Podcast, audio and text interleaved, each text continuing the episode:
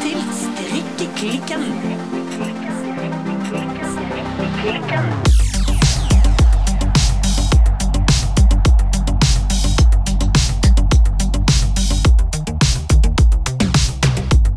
Hei, Silje.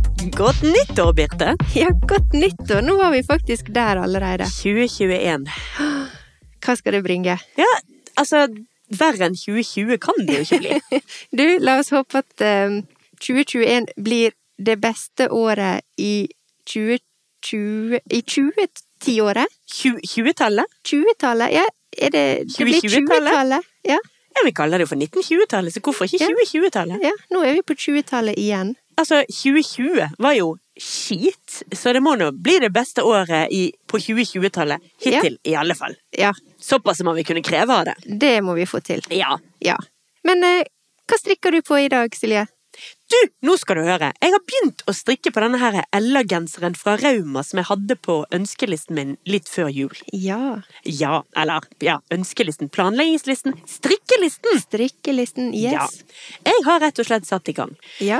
Jeg har ikke kommet spesielt langt, altså. Jeg er ferdig med bråtet. Den strikkes nemlig nedenifra og opp. eh, på bråtet der strikket jeg faktisk helt nede på pinne to og en halv. Oi. Den skulle vel egentlig strikkes på tre, men jeg fant ikke pinne tre, så da ble det pinne to og en halv. Ja, du er så enkelt på ja. måten. Men nå er jeg begynt på selve bol, som jo er veldig strukturgenser. Så nå sitter jeg og følger med og strikker en rapport og gjentar den og teller og koser meg. En rapport, altså, hva er det for noe? Nei, det er jo når du har et mønster, så er det jo gjerne en liten del du gjentar. For eksempel Ja. hvis du har en tapet, Ja. så er jo ikke den trykket opp uh, i det uendelige. Det er jo én fast ting som gjentas, og den faste tingen heter en rapport. Ja. Så her er det også da en fast ting som gjentas. Jeg vet ikke helt hva jeg skal kalle det mønsteret. Jeg vil si at selve genseren er litt sånn boblete. Ja. Jeg lurer på om jeg leste et eller annet sted at du skulle være litt sånn bladmønstret, men jeg, ja. Jo. du ser det som et blad? Jeg ser det som bobler, jeg, altså. Ja. Bland, fin blanding, kanskje. Ja, det, du er sånn bobleplast.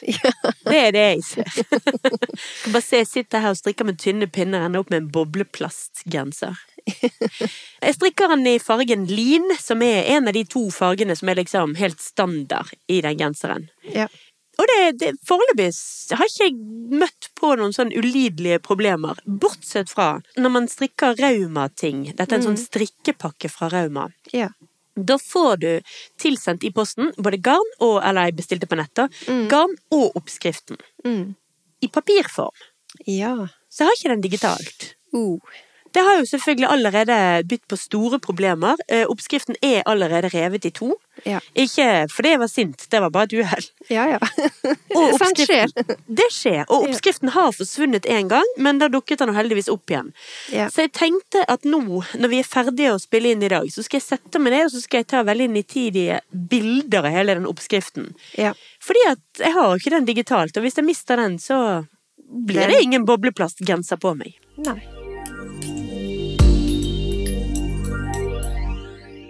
Men det var det eposet. Hva strikker du, Birte? Ja. Du, jeg har en liten hemmelighet å dele med deg i dag, Silje. Oh, wow. Jeg føler meg litt utro. Oh, ja vel. For jeg har begynt å strikke på et nytt prosjekt Oh. før jeg er ferdig med det jeg holdt på med. oh, gjør jeg! Ja, nei. Jeg er blitt, altså, jeg er blitt rett og slett en polygamstrikker. Å, herregud. Men nå, nå begynner du å kunne kalle meg en ekte strikker, vel. Da er du en ekte strikker, helt klart. Ja. For at altså, jeg strikker fortsatt på sweater number one Ja, i svart. ja. Eh, Og det går stødig framover. Ja. Men jeg veksler litt på det, og i dag strikker jeg på denne her vinterhetta Ja. fra Knitting for Olive, som jeg strikker i heavy merino og soft silk mohair, også fra Knitting for Olive. I denne her flotte støvet petroleumsblå. Er det utrolig fin farge? Jeg ser jo akkurat her at den hadde passet veldig fint til den blå dongeribuksen min. Ja, Så hvis du for eksempel finner ut at du ikke kommer til å bruke den når du er ferdig med den, så ja takk. Mange takk. Men dette er jo en, eh, en litt sånn vågal farge for meg, vil jeg påstå. Mhm. eh, men den passer perfekt til eh, vinterjakkene og ullkåpene mine, som for det meste går i den kjente fargeskalaen svart, grå, mørkeblå Og så denne her eksotiske, varme, gråbrune fargen som vi nå har begynt å kalle støvet elg. Å ja, støvet elg. Jeg skjønte ikke hva du mente når du sa varm grå. Men selvfølgelig, det, det er støvet elg du mener. Elg. Ja, det vet du godt hva er. Så denne her vinterhetta, jeg ser den veldig for meg at den vil passe godt inn i garderoba og løfte looken min i vinter.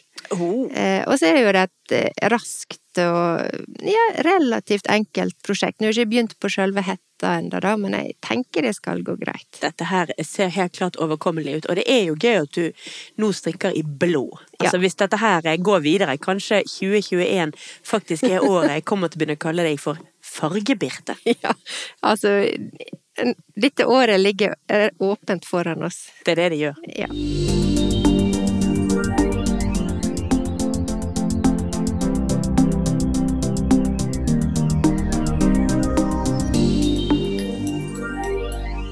Men Birte, Ja? hvordan går det med strikkelisten din? Den eh, lever i beste velgående. Uh -huh. Jeg har jo denne her eh, øverst på lista fortsatt. Ingen dikkedarer genser i nevnte støvet elg og gråbrun. Altså Ja. knitting for olive merino og soft silk mohair. Fra Sandnes? Nei, det er fra Knitting for Olive. Å ja! Det er fra, fra Ja. Knitting for Olive, det også. Jeg skjønner. De, de er veldig like, disse her mohair-trådene. Og så har jeg kardigan nummer sju fra My Favorite Things Knitwear. Her har jeg begynt å lande på at kanskje, altså ikke bare originalgarnet, men også originalfargen. Oh. Litt, du føles litt sånn Er ikke jeg mer kreativ enn som så, at den at det bare går for liksom den fargen, men den er kjempefin. Altså, det er jo det jeg endte opp å gjøre med den, eh, den Ella-genseren fra Rauma. Der har jeg Ja. virkelig fulgt oppskriften fordi jeg syns den var så fin. Ja. Det er ikke vits å forandre det bare for å forandre det, men jeg har hatt litt problemer med å finne garnet til den cardigan nummer, nummer seven, eller nummer sju. Så det er faktisk litt derfor den fortsatt er på lista og ikke er begynt å bli strikka på, rett og slett. Jeg har ikke fått tak i garnet. Men har du prøvd på selveste internett, eller er dette i rene fysiske butikker i Bergen du har Begge slitt? deler. Oi! Ja. Til og med vanskelig på værsvever. Ja, altså den skal jo strikkes i Permin, Alice og Angel. Eh, og jeg har vært nær, men jeg har fortsatt ikke funnet fargen og garnet. Så da, ja. Merkelig. Men altså, når jeg snakker om farge, jeg vet at denne kardiganen hadde vært superfin i beige også, så så lenge ikke jeg har fått tak i fargen, så er det fortsatt litt sånn usikkert eh, om det blir blå i originalfarge, eller om det blir beige. Men du har vel for så vidt nok prosjekter eh, til å holde fingrene opptatt en stund til? Ja da, jeg har jo det. Ja. Eh, Svette nummer 11, også fra My Favorite Thing Knitwear. Denne har jeg faktisk lyst å strikke i kasjmir. Oi! Jeg lurer det, på om jeg skal ta steget. Uh, dette blir dyrt! Det blir dyrt, så derfor er den fortsatt på lista. Ønskelista kan vi vel kalle Ja, det etter hvert. Eh, og så har jeg også en plan om en Louisiana-genser. Men faktisk nå når det er vinter, så merker jeg at jeg er ikke så veldig glad i disse her tjukke, chunky strikkegenserne.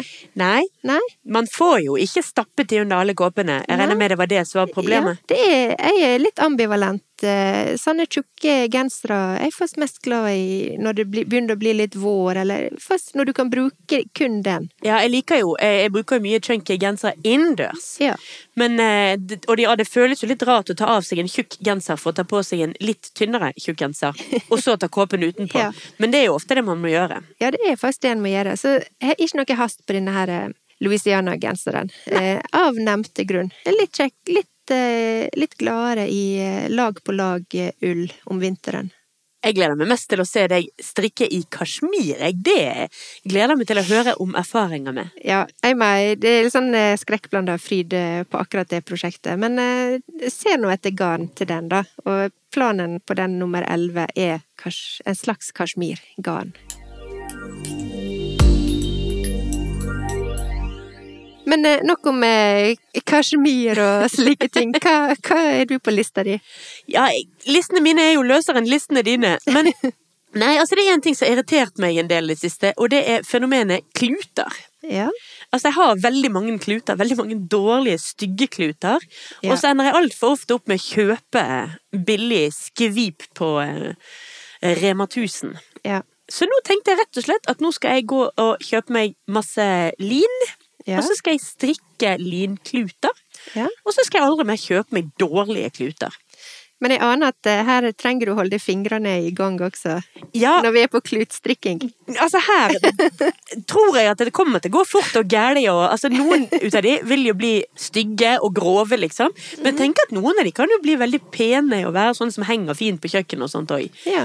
Og så vidt jeg har forstått, sant, lin tørker jo raskere enn bomull. Jeg håper jo det. Altså, jeg må jo kunne vaske de på høy eh, temperatur for å få de rein. ja. Det verste som skjer er vel at de krymper, det får de vel. Og strikker det ekstra store i utgangspunktet, da. Men um, jeg skal i hvert fall holde Hvis dette her blir noe av det, Jeg skal jo først strikke ferdig den uh, LA-genseren min. ja. Men så, hvis det blir noe av, så skal jeg rett og slett holde deg oppdatert på fenomenet kluter. Ja, det er jeg litt spent på, spesielt det her med krymping og størrelse og tørking og Ja. Ja, mange, mange interessante ting der. Men sant, altså, i og med at jeg da som sagt kjøper en del av disse her dårlige polyesterklutene på butikken, så at når man vasker de, så avgjør det Da kommer det masse mikroplast ut med vaskevannet. Ja. Og faktisk også når du kaster de, så skal de egentlig kastes i plastavfallet. Å? Ja, de skal egentlig. Og det er jo ganske ekkelt. Ja. Så da tenkte jeg at eh, dette var tidspunktet til å ta steget over og stramme opp sitt miljømessige avtrykk. ja. Redde verden klut for klut. Det er det jeg skal gjøre i 2021. Redde verden klut for klut.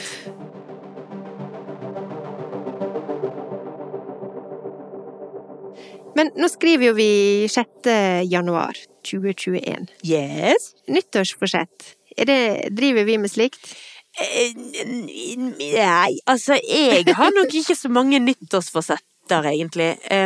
Jeg tenker vel, jeg har vel liksom sånn noen vage ideer som jeg har hver begynnelsen av januar. Ja. At nå skal jeg bli organisert, og nå skal jeg bli veltrent, og nå skal jeg stå opp tidlig. Men altså, det rakner jo allerede andre eller tredje januar, Ja. så jeg har vel i realiteten gitt opp. ja. Enn du, da? Jeg er heller ikke noe god på nyttårsforsett, det må jeg innrømme. Men altså, når du bikker jul og nyttår, det, det føles jo alltid som om at du starter noe nytt. Det gjør det. Så du har jo den følelsen, og jeg vet ikke om du er sånn, ser du året i en sirkel når du ser det for deg? Helt klart. Nå, vi på, nå triller vi nedover. Ja, for meg går vi oppover. Nei, galskap. Da, da, da ser du året feil. Nå triller vi nedover. Sommeren ligger nederst der som klokken er seks. Julen er oppe der hvor klokken er tolv, og nå triller vi utfor nedover. Jeg ser faktisk helt motsatt. Ser, for meg nå er klokka på sekstallet nede, og så går vi faktisk bakover og rundt mot sommeren. Ja, men våren kan jo ikke være en tung oppoverbakke. Det er høsten som må være en tung oppoverbakke. Og det gir perfekt mening, men eh, mentalt i mitt bilde, så sånn har det alltid vært. Ja. Men i hvert fall, vi er nå starter vi på nytt. Eh, Noen starter på toppen, sånn som du. Jeg starter på bunnen, og så går du framover. Men det som jeg kan fortelle litt, da, som kanskje passer litt nå, det er jo det at eh, jeg har faktisk hatt shoppestopp Ja. siden oktober. ja, altså hva betyr egentlig det, da?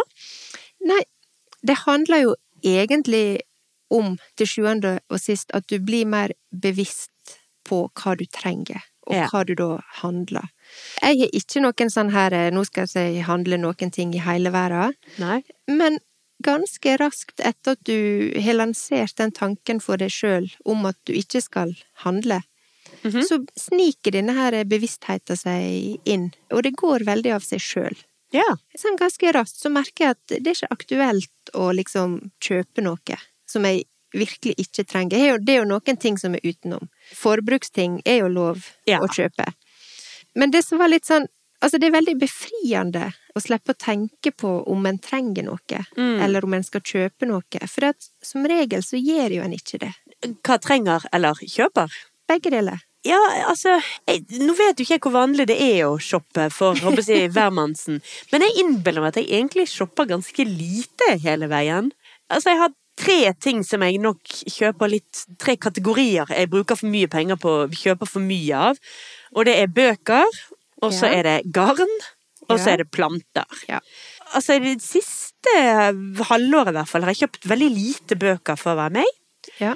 Planter kjøper jeg ikke midt på vinteren, men gi det en liten måned, halvannen nå, så kommer jo lyset ordentlig i gang igjen. Ja. Og da er det en del planter jeg ønsker meg nå. Og garn er jo en ongoing eh, fristelse. Altså, garn har gitt meg sjøl lov til å kjøpe. Ja. Eh, Fordi at eh, strikking ja, det setter jeg i en annen kategori. Ja. Rett og slett. Så det er lov å gi seg sjøl sånne på en måte kategorier der en kan kjøpe ting. Ja. Men for eksempel altså med jul i, i det som nå blir i fjor, da, Ja. så var det først første gang på lenge at jeg ønsket meg ting som jeg faktisk trengte. Ja. For at det har jo litt med koronatida og sånn, men plutselig var liksom joggebuksa mi veldig slafsete og slitt. Ja. Og når du går på heimekontor, ja, det hadde vært greit å ha noen innetøfler, det har ikke hatt. Så plutselig situasjonen trigger noen nye behov som jeg ikke helt så for meg, men da var jo det sånn som jeg da kunne ønske meg til jul, Veldig for greit. eksempel. Mm. Ja.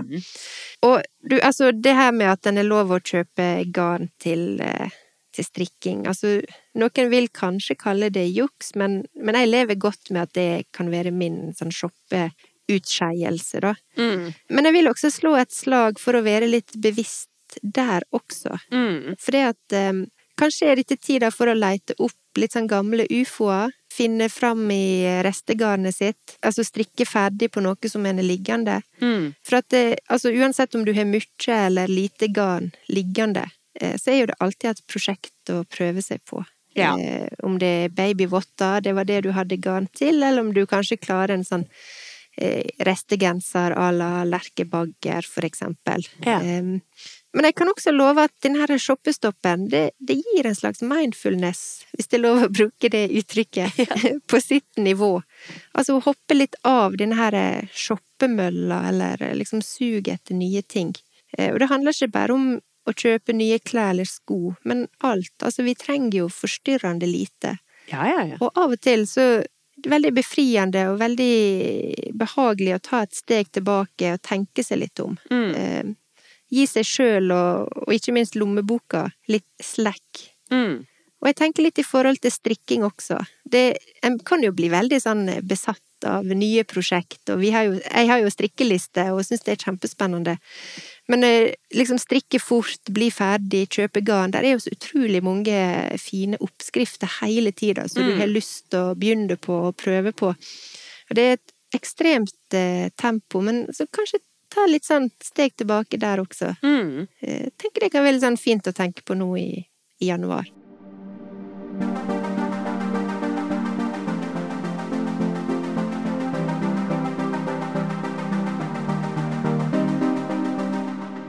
Men det vi har lyst til å snakke om i dag, det er jo da denne kombinasjonen av strikking og psykisk helse.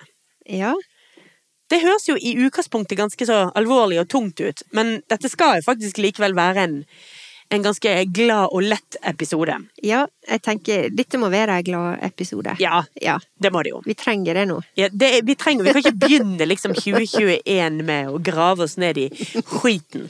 Nei. Litt av poenget er vel at vi skal grave oss ut av 2020. Ja, absolutt. Men da er jo det veldig bra at vi strikker. Ja, Ja, for det at eh, strikking har jo en utrolig positiv effekt på eh, sinnet. ja. Ja. Visste du, Silje, at eh, Altså, jeg las en undersøkelse som viste at 87% som leid av depresjon, ble gladere av strikking. Oh, wow. Og Og det, det tror jeg faktisk er bedre tall enn folk som lider Altså, som har depresjon og som faktisk bruker antidepressiva. Jeg tror ikke de kan Altså, antidepressiva jeg tror ikke jeg kan skilte med 87 Nei. som opplever glede, i hvert fall. Altså bli mindre deprimert, da. Ja, bedring. Bedring, ja. Og ikke bare det, altså 50% De ble ikke bare gladere, men de ble faktisk mye gladere av å strikke. Oi! Det er jo fantastisk. Ja, det er altså, og garantert ingen Ja, jeg skulle til å si garantert ingen bivirkninger, men du har jo hatt strikkealbuer. Men hvis man tar det litt mer med ro enn sånne monomane mennesker som deg, så har det jo ingen andre bivirkninger. Nei, eh, altså bivirkningene er jo veldig positive. Ja. Stort sett. Mm. Rett og slett. Jeg las også at eh, etter første verdenskrig så ble eh, strikking faktisk brukt som terapi for soldater med nerveproblem. Ja, altså, jeg, jeg har lest det også. Altså, en annen ting som man jo gjerne gjør når folk nylig har vært gjennom et stort traume, altså virkelig nylig, da, Mm. så kan det være lurt å gi dem Tetris, og spille Ja. Tetris. Sant? Ja. For da setter ikke disse her eh, voldsomme inntrykkene seg Mm. fast på samme måte. Det er i hvert fall det, det de tror at er grunnen. At Ja. hvis du får hjernen over på noe litt mer meditativt, og noe som du må konsentrere deg om på en Mm. annen måte, så setter det seg ikke fast i langtidsminnet på den samme måten. Nei, altså, for strikkinga, den tar jo veldig mye konsentrasjon. Altså, det gjør det. Og uavhengig av om du strikker mønsterstrikk, som da Altså, nå har ikke jeg prøvd mønsterstrikk ennå, men det krever jo unektelig mye konsentrasjon. Det gjør det. Men hvis du strikker glattstrikk, eller mer sånn som jeg har gjort, så der er jo Det er jo også det meditative i det. Mm. Når du strikker, så du har veldig fokus på det, og problemer som du eventuelt har, forsvinner i bakgrunnen. Så strikking er rett og slett en veldig flott teknikk på å Mm. få kontroll på følelsene på. Ja, altså det er jo det med at du gjentar en og samme ting hele tiden. Stort sett, da. Selvfølgelig Mm. er det jo eh, Hvis vi nå går vekk fra disse kompliserte mønsterstrikkene og den type Mm. ting. Selve det å strikke er jo stort sett en veldig repeterende, og dermed også beroligende, aktivitet. I tillegg er det noe selvfølgelig supertaktil. Du bruker hendene, du tar på materialer. Mm. Det er en veldig både fysisk, men også psykisk beroligende Mm. ting å holde på med. Mm. Ja, for at når du, når du strikker, så frigjør kroppen eh, serotonin, Ja. som er kroppens eh, egne og naturlige antidepressive middel. Og dette var i forhold til, nå må jeg lese litt her, British Journal of Occupational Therapy. Ah, wow, wow. De fant ut at 81% hadde markant bedre serotoninnivå etter å ha strikka en periode. Så det er ganske, jeg vil si det er ganske mind-blowing. Ja, det er det, altså. De tallene der er helt fantastiske. Ja, virkelig.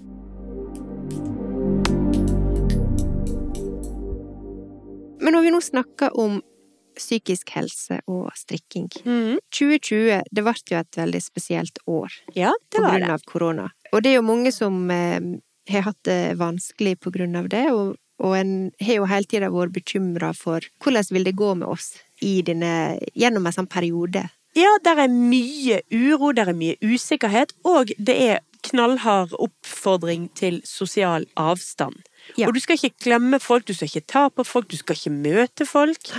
Du skal være hjemme, alene. Mm. Pust inn i masken din. Nei, altså, men en av de tinga da som er skjedd som en konsekvens eh, av dette her, er jo at veldig mange har brukt denne innetida til å strikke, eller sånn som meg, lære å strikke. Mm. Og jeg var faktisk i Oslo på jobb den 11. mars i fjor, altså den dagen før Norge hadde sin første korona-lockdown. Ja. Vi skulle ha forestillinger på Operaen, som Ja. ble avlyst på veldig kort varsel. Det var snakk om noen timer. ja, du har jo en annen jobb enn å sitte og prate om strikking på podkasten. Ja. Du jobber jo også med Carte Blanche, Ja, vi var, der, vi var der med carte blanche. Og jeg hadde jo allerede begynt å strikke litt da i februar. Og før jeg kom meg hjem til Bergen, så gikk jeg rundt i Oslo sentrum, ensom, og hamstra garn. Ja. Det var ingen i gatene. Karl Johan var tom. ja. Jeg så inn på den store Hennes Maurits-butikken som ligger der. Det var ingen folk der. Skikkelig spøkelsesby. Ja, det var skikkelig merkelig. For at da jeg gikk der eh, i Oslo den dagen og lurte på hva disse neste vekene skulle bringe, jeg hadde jo ingen idé om hva som skulle komme Nei. da. Men samtidig så var jeg faktisk eh, veldig glad for at det var én ting jeg visste, Ja. og det var at jeg skulle strikke. Ja. Så jeg var på en måte Jeg følte meg klar. Mm. Bring it, liksom. Rett og slett Ja. bring it. Så bare der så hadde det Bare tanken på at om ikke Om alt annet går gale, så skal jeg jeg har i hvert fall strikketøyet som jeg kan sitte og holde på med. Fantastisk. Det var veldig kjekt. Takk. Og jeg var nok ikke aleine om å hamstre garn eh, da i den koronatida heller, for at um jeg leste i Bergensavisen om en strikkebutikk i, her i Bergen, og de auka omsetninga med 20% sammenligna med samme periode i fjor. Og jeg må jo si at jeg har jo stått i kø i omtrent alle garnbutikker jeg har handla i det siste året. Ja. Jeg tror de som er kommet eh, Om det er noen som er kommet godt ut av koronaperioder, så må jo det være strikkebutikkene og Vinmonopolet. det er liksom der eh, Og da veit jo jeg hva som er sunnest, eh, tenker jeg da, for, for meg sjøl. Helt klart. Ja, nei, altså det er utvilsomt en sammenheng mellom strikking og pandemi. Ifølge en artikkel jeg kom over i New York Times. Så hvis man googler ordene strikking og pandemi, eller da knitting og eh, pandemic, Mm. så kommer det faktisk opp 23 millioner treff. Så det sier seg sjøl at det har helt klart vært en knallhard Altså den trenden med strikking som allerede var begynt før covid-19, Mm. den fikk en kjempe ekstra boost av at nå måtte folk stoppe opp, nå måtte folk sette seg ned, og folk hadde godt av å roe seg ned og dempe angst og usikkerhet og ubehag med å gjøre noe så taktilt og repetitivt som å strikke. Ja.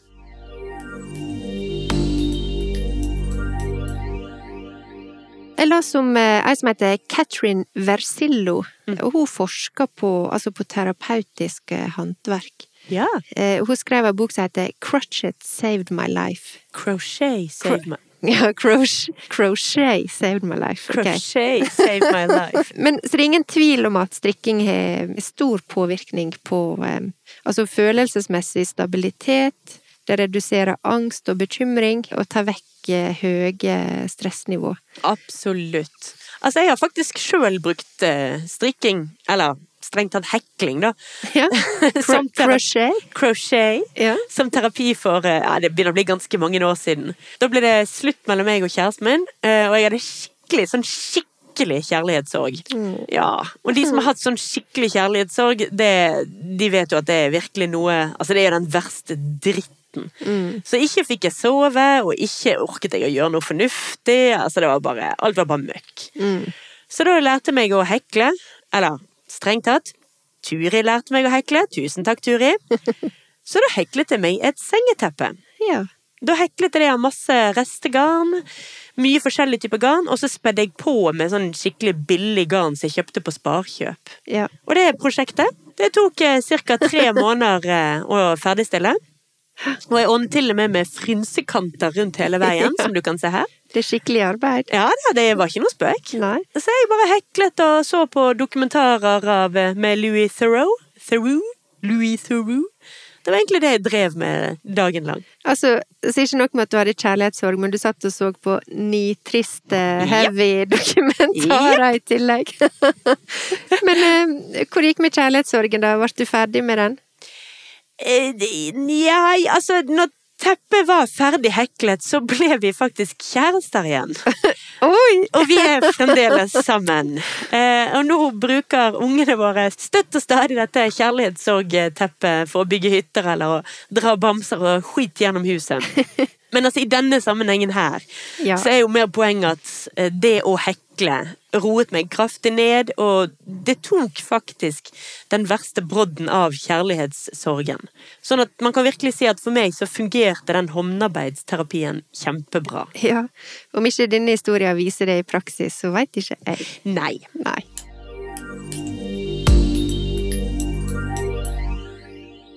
Men jeg har også lært veldig mye om meg sjøl, faktisk, etter at jeg begynte å strikke. Ja. For at eh, etter hvert som jeg lærte meg å strikke, så begynte jeg å sette mer og mer pris på prosessen. Ja.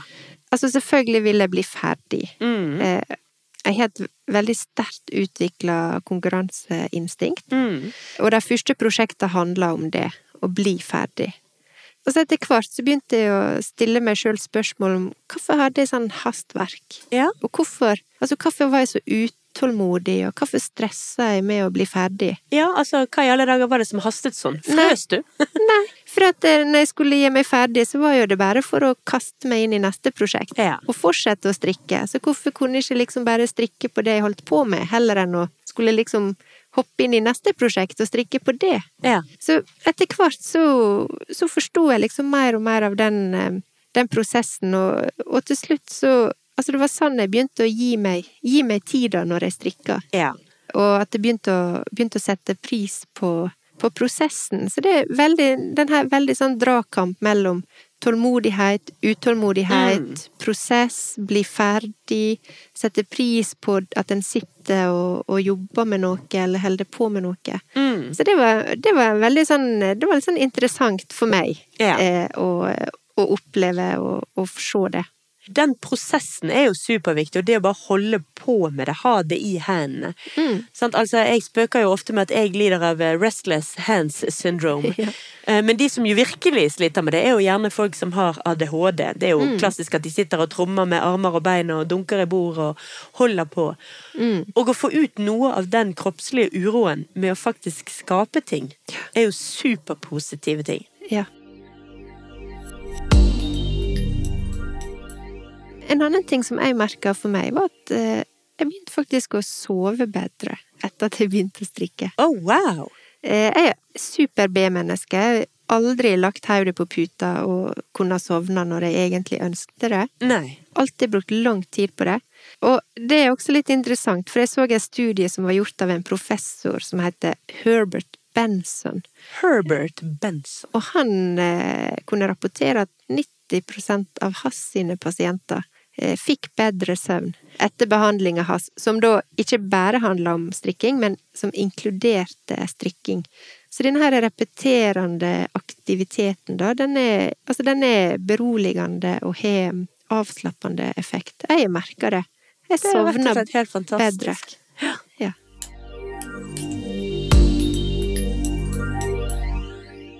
Har du sett uh, The Crown, Silje? Det vet jeg at du har. Jeg har selvfølgelig sett The Crown Ja.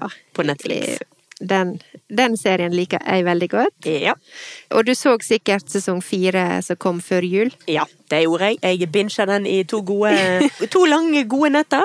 Ja, vanskelig å spare på episodene Ja, der. nei, det altså. går ikke. Åh, gud. Men fikk du med deg den detaljen um, på en episode der um, det var ei mus eller rotte som sprang over gulvet? Jeg fikk det, og jeg gikk rett på internettet og googlet faktisk liksom Mice in Buckingham Palace, for Ja. det var vel det det var. Ja. Og jo da, der er visst, eh, har visst tidvis vært flere mus enn mennesker inne på Buckingham Palace, så jo! Ja, jeg syns det var en veldig gøy detalj, men det overrasker meg heller ikke. Så stort hus, så mye krimskrams og sengekappe og gardiner, jeg vet ikke hva det er. Ja, det må jo være et eldorado for sånne småkryp. Ja, jeg har aldri tenkt på før at det er en sammenheng mellom sengekapper og mus, men eh, jeg kan egentlig levende forestille meg det.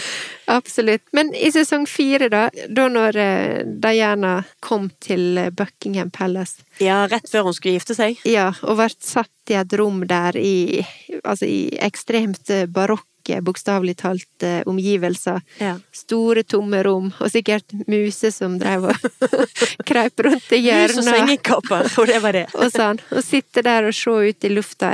Jeg tenker jo bare Gi nå den dama eller jenta et strikketøy. Ja, Altså, selvfølgelig. Hun skulle jo hatt det. Det var Hvorfor var det ingen som tenkte på det? Det var jo det de skulle kommet inn med disse lakeiene, eller hva kongens tjenere Ja. egentlig heter.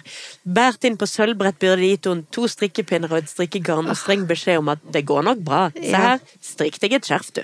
Jeg kjente det kribla i fingrene bare av å se på det. Bare Ja. kanskje sitte der på den måten. Nei, det går jo ikke. Nei, det var eh, Hun hadde det ikke spesielt hyggelig. Hun hadde nok hatt det bedre med strikking. Helt klart.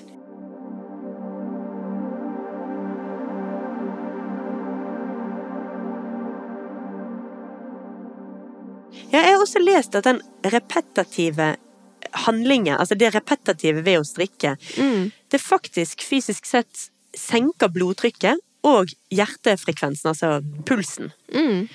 Det var en eh, studie som var i British Journal of Occupational Therapy. Som, yeah. som eh, slo altså, Som baserte en studie på jeg tror det var ca. 3500 strikkere.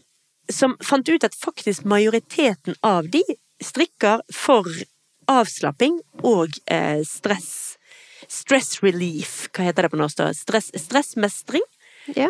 Sånn at det er jo ikke som om det vi sier her er så ukjent for folk flest. Jeg tror nok at de fleste strikkere har et forhold til at liksom ah, nå skal jeg få sette meg ned. Det, det har litt den der effekten med en god kopp eh, te og en strikking. Nå, skal, nå, skal, nå, skal, nå er det rolig tid. Mm. Og det er jo superpositivt for de aller, aller fleste. Ja, for at eh, det som jeg har forstått også, er jo at eh, hvis du først har begynt å strikke, Ja. så fortsetter du. Ja. Og det, du har jo nok strikkegensere i skapet etter hvert. Det er jo ikke det det handler om. Nei, det er jo ikke det. Da begynner man jo å strikke for andre, eller man begynner å strikke kluter. For eksempel. Man finner alltid noe man kan strikke. ja.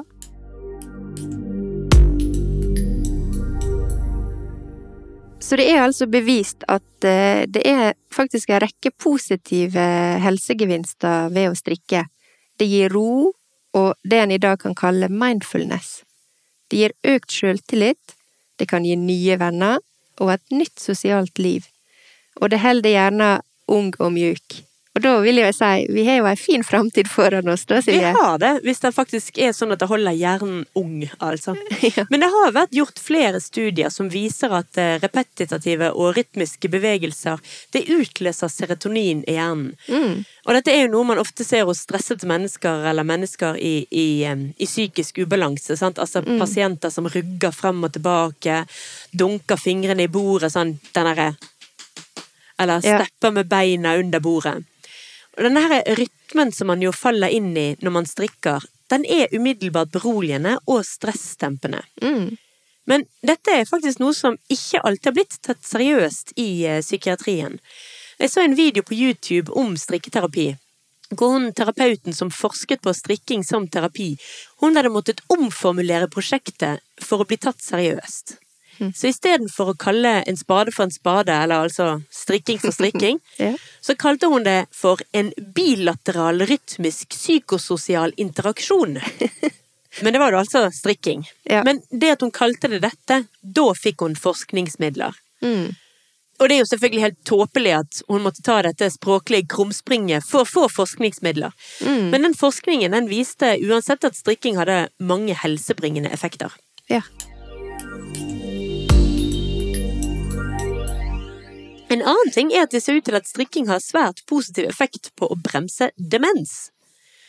Demens, da for eksempel i form av Alzheimers, det gir jo da tap av kognitive funksjoner som tenking og hukommelse og evnen til å resonnere. Og forskning det viser at kognitive øvelser, som da for eksempel strikking, kan redusere risikoen for Alzheimers med hele 30–50% Ja, det er jo helt vanvittig. Det er det.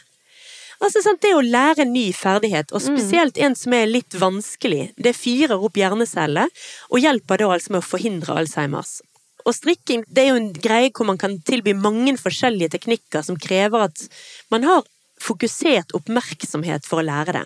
Ja, altså, jeg har jo hittil bare strikka veldig enkle ting. Mm. Men en kjenner jo fortsatt på denne her eh, meditative, men også at du må lære å konsentrere deg. Jeg kan tenke meg hvis du er på mønster og sånn, så er jo det virkelig eh, hjernemat, rett og slett. Absolutt. Sant? Altså, man kan hele tiden finne et nivå på strikkingen som er si, passe meditativt, men mm. også passe utfordrende mm. for en. Og så med å forbedre denne her eh, koordineringen av øye-hånd, så bygger du nye nervenettverk i hjernen, som da også beskytter mot Alzheimers. Mm. Og i tillegg, altså når man skaper noe, så kan man i tillegg oppleve det som kalles emosjonell egenomsorg. Som da reduserer stress, som er altså et skikkelig viktig tiltak for å redusere tidlig Alzheimers. Ja, og jeg tenker jo også den her mestringsfølelsen ja. Den gjør jo at du føler deg som en million dollar. Det er jo litt sånn som å trene. Det er det det er. Ja.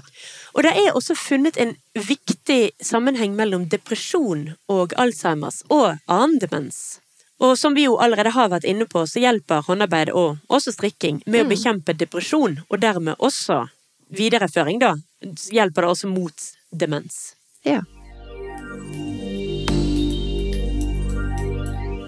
Selv om det er gode nyheter at strikking og hekling kan bidra til å redusere sannsynligheten for å få Alzheimers, så kan disse fordelene utvides til også eh, å innbefatte andre former for demens. Ja.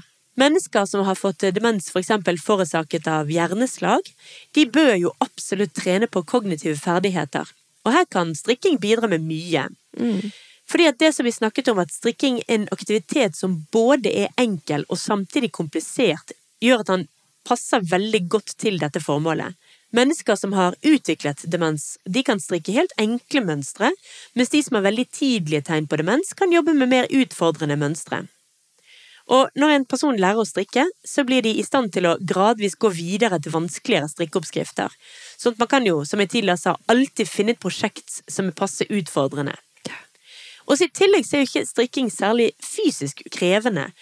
Det er ikke som om man ber en eldre og dement pasient om å lære seg å spille basketball eller stå slalåm, selv om det selvfølgelig også ville vært kognitive øvelser som ville skapt nye baner igjen. Ja, men det er akkurat det som jeg syns er så interessant med det vi snakker om nå, at uavhengig av nivå fysisk, du kan sitte på, på ræva di, Ja. og så trene disse tinga på en utrolig god måte. Ja. Eh, For det er jo ikke så lett å komme seg opp og stå, og det er ikke alle som klarer det heller. Nei, så det trenger du ikke når du skal strikke. Du kan rett og slett sitte på ræven og få deg myk og sterk hjerne likevel. Ja. Så det er jo litt rart også, da, for det, selv om dette altså er bevist at det er en sammenheng mellom å utsette demens Mm. og strikking, så er ikke forskerne helt sikre på hvorfor. Det er en eh, teori om at tankekrevende aktiviteter Da kicker liksom hjernen inn en slags kognitiv reserve, som er hjernen sin evne til å reparere seg sjøl når den er skadet. Men man er ikke sikker. Men uansett, altså. Mm. Det hjelper å strikke. Det er rett og slett det forhindrer for tidlig alderdom. Og jeg så et utrolig fint eh, klipp på NRK fra arkivet. Og det var to søstre, hvis ikke jeg husker feil. Ganske gamle. Ikke helt kontroll på alle lemmer i kroppen, men de satt og strikka, og de storkoste seg. Og det var jo ikke tvil om at disse her hadde håper jeg, den mentale helsa i behold. Ja. Og det klippet skal vi ta og legge ut eh, på Facebook. Ja, gjør det! For det. det var virkelig rørende og flott å se. Og jeg virkelig går inn i kjernen av det som vi snakker om nå. Så da oppfordrer vi folk til å bare ta en titt innom Facebook-siden vår og se det klippet som Birte snakker om nå. Ja, absolutt.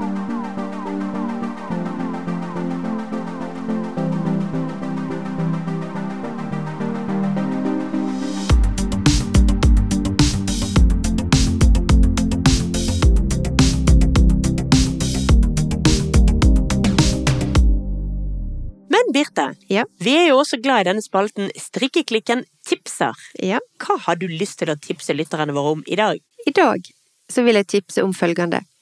Jeg kom over en forespørsel eller ei innsamling på Facebook, Ja? faktisk på den gruppa som heter Bergen strikk og drikk. Oi!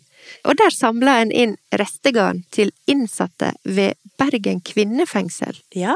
For der har strikkeinteresser tatt fart. I, det i fengselet? I fengselet! Aha!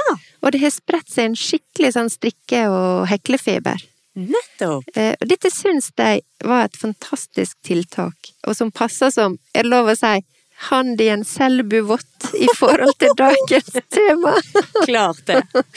Så jeg vil tipse om at du kan grave fram restegarn, Ja, og så donere til Bergen kvinnefengsel. nettopp. Og det du kan gjøre da, det er å ta kontakt med ei som heter Berit Elisabeth Lund. Så ordner hun med overlevering og andre praktiske ting. Jeg skal legge ut kontaktinfo på våre Facebook- og Instagram-sider, Ja. sånn at det skal være enkelt å ta kontakt da med Berit Elisabeth Lund. Og jeg vil også oppfordre lytterne våre til å komme med tips til andre som kunne være interessert i restegarn. Om det er andre grupper eller eh, ja, hva som helst. Så kom gjerne med en kommentar eller forslag på det inne på våre Facebook- eh, og Instagram-sider. Nettopp. Men er det noen spesielle typer restegarn fengselet er interessert i, eller er det alt mulig? Her tror jeg en kunne være interessert i alt mulig, men det er jo ikke til å stikke under en stol at garn kan være ganske dyrt. Ja. Så jeg tenker, hvis du føler at det er verdt å gi vekk, så er det godt nok. Supert. Takk for et kjempegodt tips. Ja.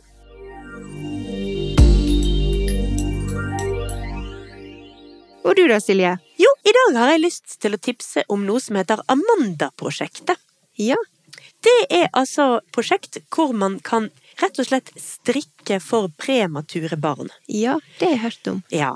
Amanda-prosjektet er da oppkalt etter datteren til Bjørg og Bjørn Berge Øvrebø, Ja. som da het Amanda. Og hun levde hele livet sitt, sitt altfor korte liv, på nyfødt- og barneintensivavdelingene eh, i Stavanger og på Rikshospitalet.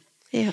Så mens da foreldrene hadde denne prosessen med et prematurt barn, Mm. så ønsket de foreldrene å gi noe tilbake også. Og disse premature barna de ligger jo mye i kuvøser, og det er mye slanger og sykehusutstyr. Det er mye maskiner rundt dem. Det, det er liksom ikke denne her tingen man ser for seg rundt nyfødte babyer. Nei. Med det lune, trygge, nære, den dempede belysningen og de gode tekstilene. Hud mot hud. Hud og- mot hud. De, ja. Det blir jo ikke det på disse barna som blir født altfor tidlig. Nei. Så der ønsket da foreldrene her å få tilgang, og kunne gi tilgang på mer mykere tekstiler, også med farger. Mm. Og stri håndstrikket med kjærlighet. For det det er jo selvfølgelig ikke sånn at disse barna ligger og fryser. Vi bor i Norge, de har det godt på sykehus sånn sett. Ja. Det er den varmen og kjærligheten i det. Ja. Og jeg tenkte jo at her er et sånn perfekt tilfelle hvor det å kunne gi er like verdifullt som det å få. Mm. For jeg tenker jo det å kunne sitte og strikke små babytepper til premature er også en veldig givende og positiv aktivitet. Mm, absolutt. Enten det da er babytepper eller luer eller bitte små sokker eller hva det nå enn skulle være. Sånn at på dette her Amanda-prosjektet, man finner det ved bare gå inn på amandaprosjektet.no på internett. Ja. Der har de linker til hva det er de trenger, hva de ønsker. De har oppskrifter, de har hvordan du kan levere det, hva slags garn som er ønsket, og hvordan dette fungerer. Så du finner rett og slett eh, informasjon der inne. Ja. Alt du trenger. Det gjør du rett og slett. Så jeg syns jo det er et veldig, veldig fint prosjekt. Mm. Så altså amandaprosjektet.no. Ja. Det klarer vi å huske. Det skal vi klare.